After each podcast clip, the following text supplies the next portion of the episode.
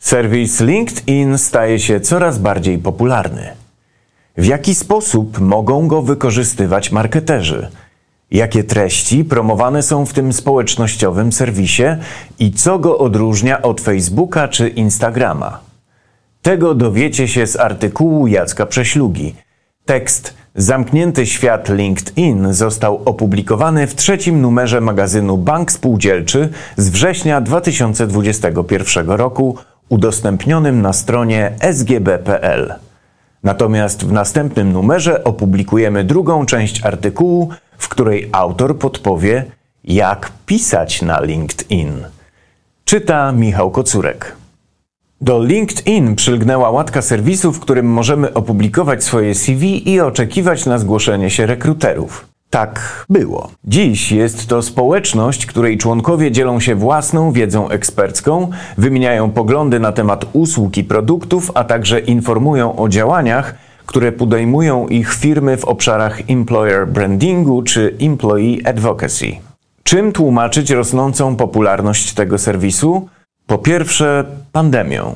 Ostatnie miesiące to czas wielkiego przełomu także w komunikacji business to business.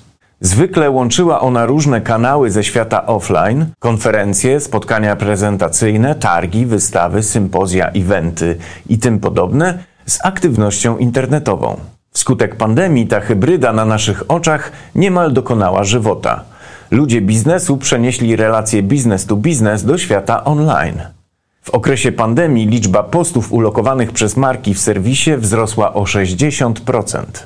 LinkedIn świetnie nadaje się do takich celów.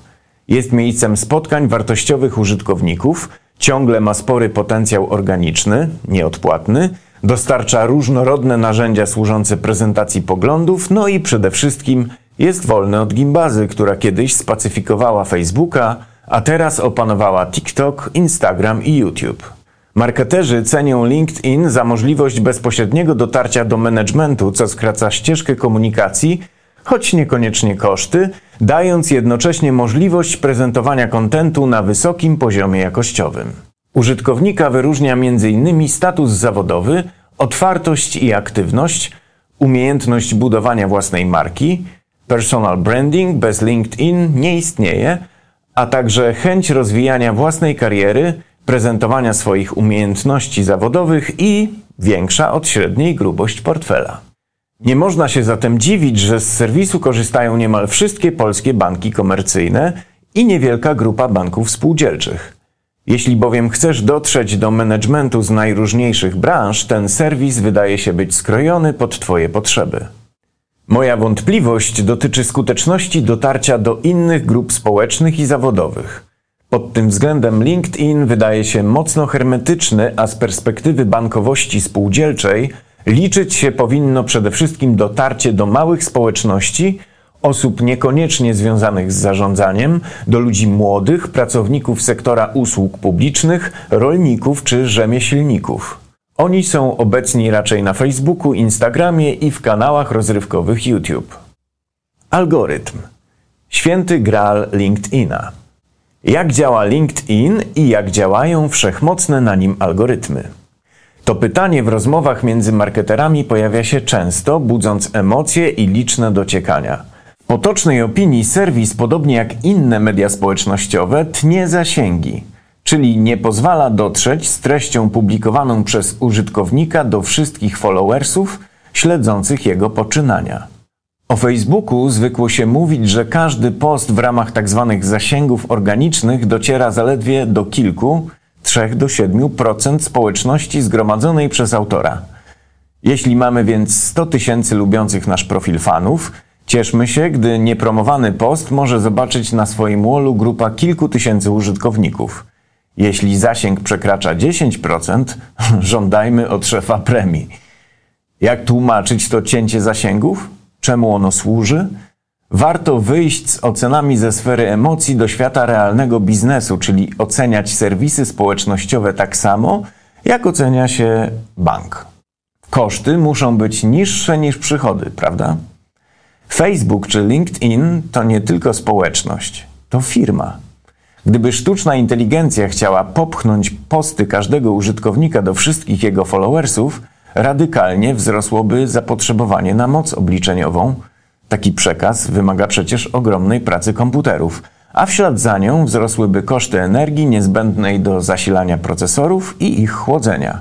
Serwisy społecznościowe nie mają więc ekonomicznego interesu. Koszty, by realizować politykę 1 do 100, czyli jeden człowiek komunikuje się ze 100% swojej społeczności. Stąd pod różnymi pretekstami ogranicza się skalę dotarcia, przypisując wszystko ciemnym mocom algorytmów, które analizują tworzone przez nas treści, nadają im odpowiednie ratingi i udostępniają osobom będącym z nami w najbliższych relacjach bądź najczęściej reagującym na udostępniane im treści. Firmy będące właścicielami mediów społecznościowych stawiają sprawę jasno. Jeśli chcesz dotrzeć do wszystkich swoich fanów, zapłać. Jeśli chcesz dotrzeć do jeszcze większej grupy osób, zapłać więcej. Tak to działa. Drugie życie postów. Każde medium społecznościowe wyposażone zostało w unikatowy, ściśle strzeżony i często zmienialny algorytm, który pozwala kwalifikować treści jako wartościowe, a zatem preferowane i nieodpłatnie promowane. One też weryfikują, które wpisy są spamem, czystą reklamą bądź po prostu mają niską wartość. Różnica pomiędzy algorytmami Facebooka i Twittera oraz LinkedIn polega na tym, że w obu pierwszych przypadkach budowaniem zasięgów trudni się sztuczna inteligencja. A w przypadku LinkedIn jest ona wspomagana przez ludzi, ekipy ulokowane w każdym z krajów, które z perspektywy firmy wykazują tendencję rosnącą. Tak właśnie jest w Polsce, gdzie roczny przyrost użytkowników serwisu sięga 18-20%. Jeśli algorytm LinkedIn wskaże na jakiś post, lub grupę postów jako wyjątkowo interesującą, personel może podbić popularność postów w trybie zarządzania manualnego. To jest jeden z powodów, dla których kilka dni, tygodni po publikacji niektóre posty potrafią zyskiwać jakieś drugie życie i są ponownie udostępniane użytkownikom. Nie łudźmy się jednak, że każdy nasz post zakwalifikuje się pod osobistą decyzję administratorów serwisu. Żeby tak się stało, trzeba spełnić wiele wymagań, a przede wszystkim tworzyć niekonwencjonalny, bardzo wartościowy merytorycznie i nośny content. Cel czysta jakość. Algorytmy nie są udostępniane publicznie, więc wiedza na ich temat pochodzi wyłącznie ze spekulacji i jako spekulacja musi być traktowana. Nie da się precyzyjnie określić, które typy postów są wspierane przez LinkedIn, a które wycinane choć można zauważyć kilka prawidłowości. Pierwsza. LinkedIn to serwis dla profesjonalistów. Przez nich jest budowany i czytany, im są dedykowane publikacje. To różni go innymi od Facebooka, który ma charakter ludyczny, rodzinny, koleżeński. Stąd bierze się nawet różnica w określeniach. Na LinkedIn mamy sieć kontaktów, na Facebooku znajomych. Druga. Boty LinkedIn koncentrują się przede wszystkim na jakości treści dostarczanej profesjonalistom i kwalifikują poszczególne publikacje według trzech podstawowych kryteriów: spam, niska jakość, czysta jakość. Trzecia. Do kategorii spam trafiają publikacje bez wartości dla odbiorców, nie mające wpływu na poszerzenie ich wiedzy, umiejętności, informacji o świecie. Tam więc trafi każdy piesek i kotek, każda informacja o ostatniej firmowej imprezie i tym podobne. Nawet jeśli będzie miała dużą liczbę polubień.